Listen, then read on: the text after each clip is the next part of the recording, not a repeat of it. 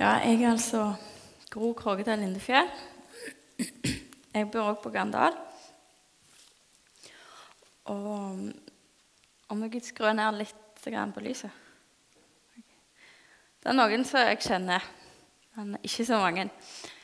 Jeg, jobb, jeg jobber ennå i uh, NLM.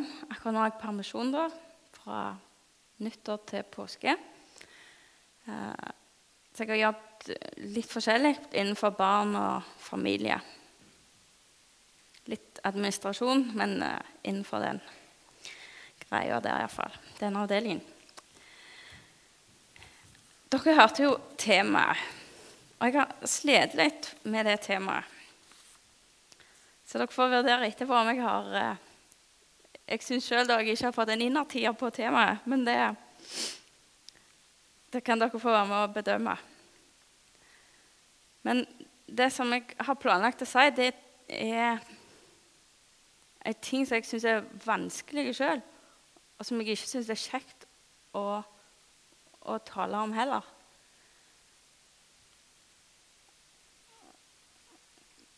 Ja, jeg, altså, vi skal ta det helt fra starten. Og det er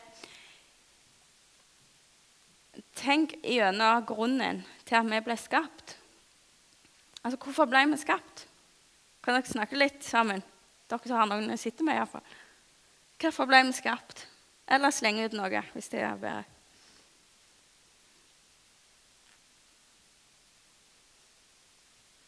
Ingen som har tenkt på det før? Noen som har lyst til å si noe? Hvorfor er vi skapt? Ja. Ja. Det er ensomt. Ja. Altså, jeg òg har tenkt litt at Gud hadde behov for å ha noen som han kunne elske, og behov for at noen elsker han. Jeg, jeg har ikke tenkt veldig mye på det. liksom er, jeg føler det er mange ting med kristendom. Når jeg er blitt oppvokst i en kristen heim, så er det mange ting jeg aldri har tenkt gjennom. Så mm, av og til så tenker jeg på noen av tingene. Uh, men som den eneste Altså, Gud er jo universets gud. Har ingen på siden av seg og ingen over seg. Og han er helt suveren. Kan han da ha noen behov som han trenger å få dekka av oss? Altså sånn at jeg tenker at han har behov for at noen elsker han. Kan han ha det hvis han er suveren? Jeg tenker jo nei, det kan han faktisk ikke. Men, men det er to røde tråder gjennom Bibelen på hvorfor vi ble skapt. På den ene sida ble vi skapt for å nyte Hans nåde. Og det sang vi om òg om Hans nåde. Og så kjenner jeg litt sånn at jeg får sånn wow, litt sånn overveldende følelse. Liksom, at jeg er skapt for å nyte Guds nåde. Liksom, den store guden som er så mye større enn meg. Og den nåden som er så uforskyldt, den skapte han meg for at jeg skulle få nyte. Tenk at jeg gadd det å skape meg bare for at jeg skulle få nyte nåden hans. Det blir liksom Ja, jeg klarer ikke å forstå det helt. Og vi mennesker er det eneste som er skapt i Guds bilde, at vi ligner på Gud. Det har jeg sikkert hørt mange ganger før. Men jeg blir litt sånn overvelda likevel. Liksom, wow, jeg ligner på Gud. Jeg er skapt i hans bilde det er ikke akkurat det jeg føler alltid, at jeg ligner på Gud. Og det er bare vi mennesker som er skapt til å kunne ha et forhold til Gud. Og Det første ordet som Gud bruker for å beskrive forholdet vårt mellom, forholdet mellom Gud og mennesker, det er velsignelser. Så Gud har velsigna menneskene ikke fordi vi har gjort noe som er så bra, som fortjener det. Eller at vi var så utrolig verdifulle i oss sjøl. men rett og slett av ren nåde.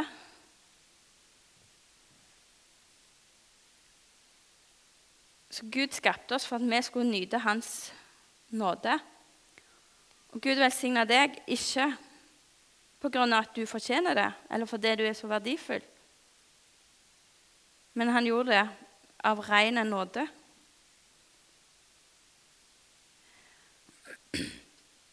Den andre røde tråden i, i Bibelen, det er fra Første Mosebok 1.27. Det er sikkert kjente vers for noen av dere. Gud skapte mennesket i sitt bilde. I Guds bilde skapte han det. Til mann og kvinne skapte han den. Og Gud velsignet dem, og Gud sa til dem.: Vær fruktbare og bli mange og fyll jorden. Legg den under dere, og råd over havets fisker og himmelens fugler over alt levende som rører seg på jorden. Befalingen var at vi skulle bli, være fruktbare og bli mange. Og det var mange unger her framme, så jeg ser at sporet er god gang med å ordne den delen av befalingen. At vi skal bli mange. Og Norge ble jo nettopp fem millioner. Så vi gjør det som Gud har bedt oss om. Men grunnen til at Gud skapte oss i sitt bilde, er at vi skulle spre hans bilde videre. Vi skulle ikke spre oss sjøl videre.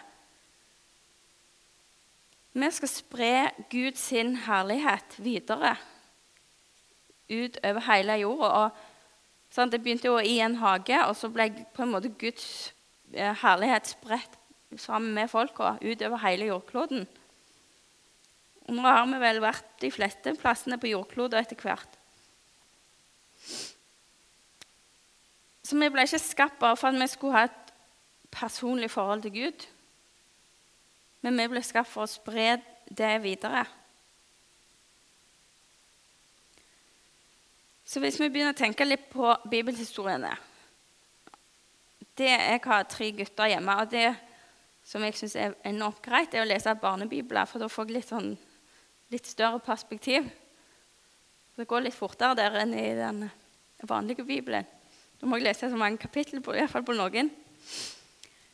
Men, han, men i Bibelen, da, hvis vi ser spesielt i Gammeltestamentet at der er Altså, Gud utøser sin nåde over et folk for at Gud skal bli herliggjort. Og at Guds kjærlighet herlighet skal vises, og kjærlighet òg, blant alle folkeslag. Og hvis jeg tenker på Når israelsfolket gikk ut fra Egypt, så ble Gud æra og vist hvor suveren han er gjennom det som skjedde. Så Først var det alle landeplagene som kom. Som Moses gikk til farao og sa det kommer til å skje, det kommer til å skje, det kommer til å skje. Og farao lot de ikke gå. Men til slutt, når, når de fikk gå, så ble de mest jaga ut av landet. Det står at egypterne trengte hardt på folket for å få dem til å skynde seg ut av landet. Det står i andre Mosebok 12. Og I tillegg så fikk de med seg gaver, eh, smykker i gull og sølv og klær av egypterne, så de fikk med seg til reisen. Og jeg jeg er ikke veldig flink til å se for meg ting, men jeg klarer iallfall ikke å se dette for meg. De er 600 stykk, eller 600 menn pluss unger. Og så er det storfe og småfe. Og så i tillegg, Det var de fra Israel. så I tillegg så var det en, en annen gjeng som også slo seg med, som ville være med ut av Egypt. Og de òg hadde mange storfe og småfe. Det må jo ha vært et vanvittig syn. 600 000 folk som plutselig rykker ut av landet. Og i tillegg så sitter jo Egypt igjen i kjempesorg. For det er jo alt førstefødt drept blant dyr og mennesker. Jeg ser for meg også at det er sånn gråtekoner som de bruker mye i Midtøsten og i andre kulturer, som griner og hyler og skriker høylytt liksom, I tillegg til alt bråket med de 600 000, så, som det må ha vært litt Ja, det må ha vært en opplevelse. Sant? Og Israelsfolket får utøst sin nåde, nei, Guds nåde over folket. De slipper å være slaver lenger, og Gud fører dem videre. Og veldig konkret òg i skystøtta og i ildstøtta. Og jeg syns det er en sånn liten detalj òg som jeg, jeg sånn, jeg elsker detaljer. da. Men det står at de hadde ikke tid til å lage reisekost. Men det hadde òg Gud fiksa. For han hadde jo bedt dem om å lage til påskemåltidet. Og da hadde de lagd en, en deig som var usyra. Og den var jo ikke ferdig, så den de ta med seg. Eller den tok de med seg når de måtte gå der oppe i deigtrauet. Og så pakket de klærne rundt og så bar det på skuldrene. Det står, sånn så Gud sørger ikke bare for de der store linjene, men òg detaljene. Så plutselig så hadde de reisekost da allikevel. For Gud hadde ordna det. Men hvorfor gjør Gud alt dette? Hvorfor sørger han sånn for israelsfolket? Han har sett israelsfolket sin nød, sier han, og slavearbeidet. Men i 2. Mosebok 14,4 så kommer den egentlige grunnen. Og jeg vil vise min herlighet på farao og hele hans hær, og egypterne skal kjenne at jeg er Herren. Så Gud utøser sin nåde for at hans herlighet skal bli synlige. Kanskje dere har hørt eller lest at Gud er nidkjære Gud. Det er et utrolig merkelig ord. Jeg tror ikke jeg har hørt det i noen andre sammenhenger enn i, i Bibelen og kristen. Eh, altså Nidkjær det er jo ja, Jeg har hatt litt sånn diffust forhold til det. Men jeg har begynt å, å tenke litt på det i det siste. Og egentlig så Altså Nidkjær det betyr jo bare at Gud han er jo suverene, og han vil ha æren for det som han har gjort. Og Sånn er det jo med meg òg. Hvis jeg har vært med og planlagt noe eller lagd til noe eller arbeide med noe Hvis bare de andre får ikke si meg to stykker, og så den andre får æren, det blir ganske snurt. Liksom, Hallo, jeg òg var med på dette. Og enda verre hvis jeg har gjort det, og noen andre tar æren. Da blir jeg eh, ja, ikke så god å ha med å gjøre. Så jeg òg er jo nysgjerrig. Jeg vil jo ha æren for det som jeg har gjort. Og sånn er Gud òg, at han vil, ha, han vil ha den æren som han fortjener. For det er ingen større enn han. Så har Gud ført israelsfolket fra Egypt for sitt navns skyld. Og så står de framfor havet, og da ser de at eh, egypterherren kommer bak dem. Og det var, Farao hadde tatt alle vognene som fantes i hele landet, med hestefolk og krigsfolk på, og pluss sine 600 utvalgte vogner. Så det var jo en stor hær. Det var det beste farao hadde å by på, så han sendte etter dem. Og Jeg forstår jo på en måte at han trekte òg, for de var jo 600 mann som hadde arbeid. Det var litt mange som gikk på én dag. For de hadde jo hatt slavearbeid for dem. Og akkurat sånn så israelsfolket er jeg òg, at selvfølgelig hadde jeg jo blitt livredde. Liksom, hvor skal jeg gjøre meg av? Jeg står framfor et hav. Kan jo ikke summe heller. Ikke, ikke så langt, iallfall. Og så kommer noen bak og vil angripe meg. Og, og kanskje du òg har følt deg fanga mange ganger av at det er ingen utvei. Og de ropte til til Gud og til Moses. Og så svarer Moses liksom fra Gud da, at frykt ikke, og beroliger dem. Og så sier Gud si til israelsfolket dra videre. Ja vel, hvor skal de dra hen? Det er det er et utrolig tosje svar. Når de står framfor et hav, dra videre. Ja vel. Selv om han hadde en plan. Men grunnen til at han gjør det, er jo at han vil ha æren. Det er ingen, ingen mennesker som kan dele et hav og gå gjennom der. Men han vil ha æren sjøl for det som han gjør. Og det er hans navn som skal bli stort på jorda. Egypterne begynte òg å gå ut i, i, havet og ville ta etter dem. Men så står det at Gud skapte forvirring i egypternes leir. Han slo hjula og vognene deres, så det ble tungt for dem å komme fram. Da sa egypterne, 'La oss flykte fra Israel.'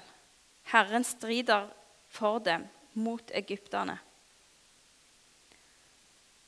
Så egypterne som står der midt ute i vannet og sliter med vognene sine Selv om vannet står støtt ennå, så erkjenner de at Oi, dette er Gud.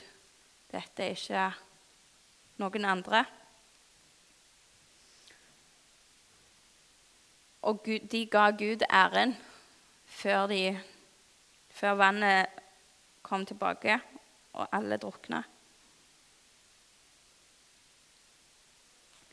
Og vi har jo et sånt uttrykk som sier 'æres den som æres bør'. Og det er vanskelig å si at Moses skulle bli æra av å gå gjennom vannet. Så Gud han er opptatt av å velsigne oss som kristne på en uvanlig måte, sånn at hans godhet og storhet vil bli opphøya blant de folka som vi møter. Faktisk går Gud så langt i Esekiel 36 at han sier at når han gjør noe for sitt folk, når han viser dem barmhjertighet, nåde, rettferdighet, så er det ikke for deres skyld, men på grunn av hans hellige rykte blant alle jordens land. Dette som er en hard kost. Jeg synes det er vondt å lese at for Gud så er ikke jeg viktigst. Det er jo det jeg vil være. Jeg vil være viktigst for Gud. Og det passer så utrolig dårlig inn i kulturen vår òg, der vi er eh, altså individualister, og det er det som er viktigst. For noen år siden så kjøpte jeg ei bok. Jeg liker godt Max Lucado, en uh, forfatter. Så det, Boka heter 'Det handler ikke om meg'. For egentlig, jeg, var ganske trøtt og litt sånn Alt bare avhengig av meg på en måte og blir opp til meg. Jeg var klar for å høre at det, liksom, Slapp av, Gro. Du skal, kan bare hvile, og så skal, skal Gud eh, fikse det for deg. Så du kan bare slappe av. Så begynte jeg å lese igjen. og så var det absolutt ikke det det handla om. Det handla om Guds herlighet, og at jeg måtte dø liksom, med mitt liv og alt mitt. Så den boka har ligget i noen år, kan du si. For jeg orka ikke å lese den, og det var ikke dette jeg ville ha. Jeg ville ikke ha enda mer, mer ting å tenke på. Men jeg har lest den ferdig nå i høst, og det er veldig bra da. Så kommer vi rett inn til lyn. At det handler om, at, om Gud og ikke om meg.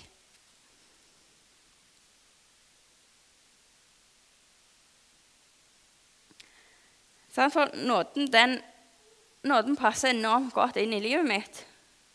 Den er liksom Ja, velkommen. Og mange vil si at det, kristendommens hovedbudskap er at Gud elsker meg så høyt at han sendte sin eneste sønn for å dø på et kors for meg. Er det sant? At kjernen er at Gud elsker meg? Hvem som blir sentrumet liksom, i det? Gud elsker meg. Det blir jo meg. Og så Her en dag så jeg, satt jeg og ba, og så plutselig så var det akkurat som jeg hørte etter hva jeg sjøl ba. Og det var ærlige bønn, og det var ikke noe galt sånn sett. Men jeg, liksom, når jeg tenkte på det etterpå, så var det sånn Kjære Jesus, kan du passe på meg? Kan du styrke meg? Kan du gi meg mot? Så ble det bare sånn meg, meg, meg, og så var jeg egentlig ferdig med bønn. Da hadde jo jeg sagt alt jeg ville. Da var ikke akkurat Gud sentrum, men det var meg. Så hovedbudskapet i Bibelen sin kristendom det er ikke at Gud elsker meg. For da blir målet for vår tro det blir oss sjøl. Men budskapet i Bibelen det er at Gud elsker meg sånn at jeg kan gjøre Han og Hans veier og Hans frelse, Hans herlighet og Hans storhet kjent i alle verdens land. Det er ikke vi som er sluttproduktet for Guds nåde.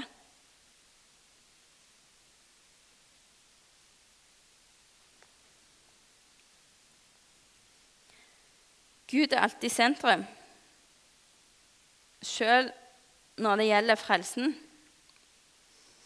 I Salme 23 så står det at eh, han lar meg ligge i grønne enger og fører meg til vann der jeg finner hvile. Det er mange sånne gode ting. Så står det 'for sitt navns skyld'. Så der på en måte møtte jeg det igjen at å, Igjen så er det ikke meg. For det er det jeg så lett tenker, og det er det som er enkelt for meg å gjøre. At jeg blir sentrumet i min kristendom. Men det er ikke det at Gud ikke elsker oss. For han elsker oss utrolig sterkt og intimt og djupt og inderlig. Men denne Guds kjærlighet handler ikke dypest sett om oss. Men han elsker meg for sin kjærlighet, herlighets skyld. Og det kjenner jeg er, er tøft å tenke på, at jeg ikke jeg er sentrum i universet. For i mitt hode er jo jeg sentrum, men så er jeg ikke det for Gud. Det er Gud som er universets sentrum, og det er det han skal være i hodet mitt òg. På en måte så slår jeg meg til ro med en kristendom som dekker mine behov. At Gud kan hjelpe meg med det og det. Og så ja, at liksom her er min Dette er mitt liv. Og så kommer litt velsignelser. Det blir fint. Så lever jeg egentlig vanlig, et vanlig liv, med, men bare i litt kristen versjon. Og så plukker ut ting som står i Bibelen, og så, ja, så for eksempel, kom til meg, alle dere som strever. Å ja, det er til meg. Tusen takk, liksom. Et liv i overflod? Ja, ja, selvfølgelig. Det vil jeg ha. Så på en måte så lar jeg løftene De, de gjelder meg. Og de tar jeg til meg. Og så kommer jeg til liksom, misjonsbefalingen. Ja, det gjelder ikke meg, for jeg har ikke et kall. Det gjelder de andre. Og vitne til jordens ende Nei, nei, nei, det var ikke meg. Det sånn, så Forpliktelsene, de De tror jeg, hvis dere liker meg, og det jeg bare redder dere Altså, Forpliktelsene de blir mer sånn frivillig. Vi kan frivillig engasjere oss. Vi kan frivillig være med i misjonen. Frivillig kan vi fortelle andre om, om Gud. Men mest er de der greiene der for spesialistene. Altså Vi har gateevangelister i Norge. De kan ta seg av det, så trenger ikke vi. Og vi har spesialister på altså misjonærer. Det kommer misjonærer her til. Kjempeflott. Da slipper vi det òg. Og da reiser andre misjonærer ut. Ok, Da slipper jeg det. Sånn at det kan de spesialistene ta seg av. Og så rettferdiggjør jeg at jeg, jeg kan bare leve mitt liv i godstolen. For jeg er ikke kalt til akkurat det, sier jeg til meg sjøl. Og jeg vet jo at alle mennesker har forskjellige gaver, forskjellige talenter, interesser og kall fra Gud. Men vi har kun fått ett oppdrag, og det er det samme for alle. Gjør alle folkeslag til mine disipler.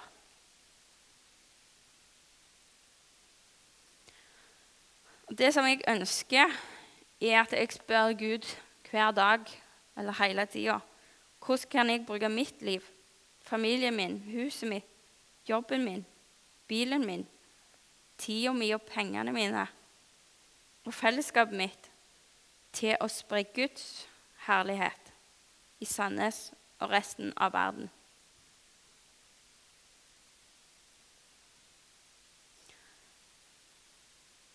Har du bestemt deg for å begrense eh, Jesus sin befaling om å gjøre alle folk til hans disipler, til å gjelde bare spesialistene eller til superkristne? Paulus han sier i Romerne 1,14.: Jeg står i gjeld til hver, til hver eneste fortapte person på jordas overflate. Det er vel ja, mellom fem og seks milliarder, mener de, som ikke er kristne. Det betyr at jeg Det er mitt ansvar at de fem-seks milliardene går fortapt. For jeg har fått befalingen.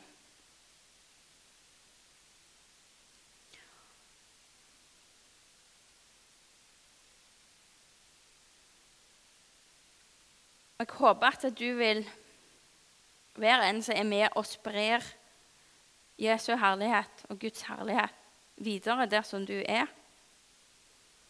At det er de som blir frelst gjennom deg, blir innlemmet i Jesus sin, sitt legeme.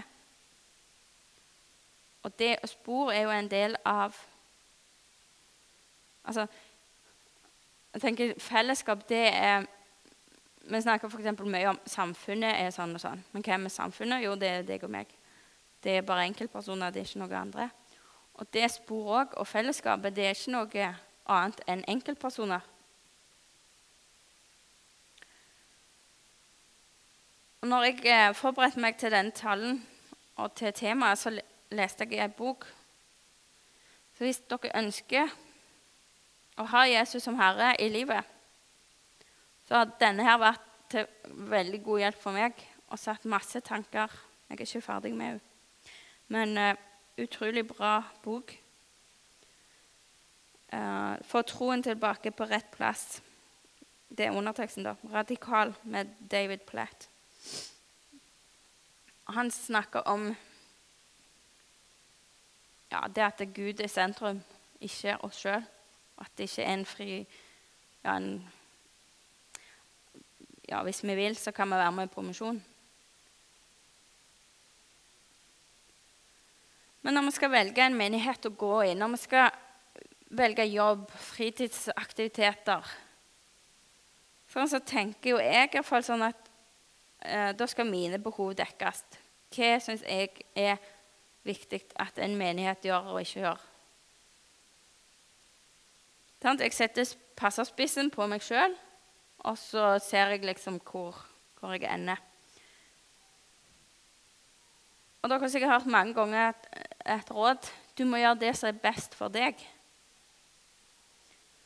Det viktigste er at du trives. Men er det gode råd, egentlig? Er det viktigste å gjøre det som er best for meg?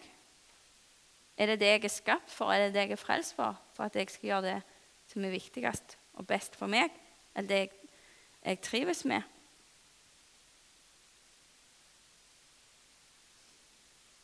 Men det betyr jo ikke dermed at jeg må gjøre noe som jeg mistrives med eller syns er helt grusomt. Men det betyr at det er Gud som skal være sentrum, ikke jeg. Og Kulturen vår sier 'gjør mye ut av deg sjøl'. Oppnå noe, få en erkjennelse. Hva kan spor som fellesskap gi til deg? Hvordan kan spor hjelpe deg med å oppnå det du ønsker i livet ditt? Alle disse spørsmålene setter egentlig passerspissen på oss sjøl. Og evangeliets mål det er å gjøre mye ut av Gud. Og fellesskapet sitt mål det skal være å gjøre mye ut av Gud. Og pengene dine sitt mål det bør òg være å gjøre mye ut av Gud. Og livet mitt det ønsker jeg òg skal gjøre mye ut av Gud, ikke mye ut av meg sjøl. Men det er ikke noe kjekt, akkurat, for det betyr at jeg må dø fra ting, og jeg må nedprioritere ting som jeg har lyst til, og ting som folk rundt meg syns er bra, og samfunnet syns er bra. Vi kan miste anerkjennelse, og vi kan miste å komme så høyt som vi klarer i vårt liv. Fordi vi velger heller å gjøre noe annet. Der Gud er det viktigste. Har, har livet ditt en mening utover det utover deg sjøl? Menigheten skal være et, en plass der du kan komme med ditt behov etter å få være i Guds nærhet. Og en hjelp til at Gud skal gjøre deg i stand til å fylle din rolle. Både rollen din her i Spor og rollen i NLM og like til jordens ende.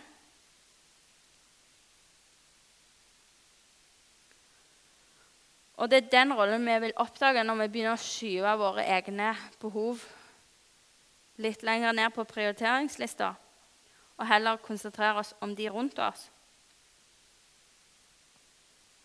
Vi må dø fra ting og legge vekk ting. Og Gud må ta, ta det vekk. Og jeg føler det er sånn jag eh, i hverdagen min mange ganger om at jeg må få tilfredsstilt alle tingene mine. Jeg må få gjort ting. Alle behov jeg har. Sånn at jeg må jobbe, jeg må være med ungene. Jeg må ha kvalitetstid med ungene, jeg skal ha kvalitetstid med mannen min, jeg skal ha kvalitetstid med meg sjøl. Det er så enormt mange behov som jeg kjenner presset på. Så skal jeg være for vennene. Så skulle jeg ha vitner for naboen, og så skulle jeg bruke tid på naboen. og så skulle jeg... Altså enormt mange ting og behov òg som jeg ønsker å få tilfredsstilt. Og jeg ser jo at det er mine egne ting som liksom popper opp øverst på lista hele tida. Så blir de gjerne prioritert litt ned, og så kommer de automatisk opp. Men når fokuset vårt flyttes ifra f.eks. når vi er her Hvis dere tenker at eh, ok, Hva kan jeg få ut av denne talen her? Men fokuset heller er hvordan kan jeg høre Guds ord i dag, sånn at jeg kan gi det videre til andre. Da flyttes Guds, da flyttes Guds herlighet ut av misjonssalen og inn i lokalsamfunnet som vi er en del av. Og når jeg leste her en dag i den boka, så plutselig så jeg et bilde.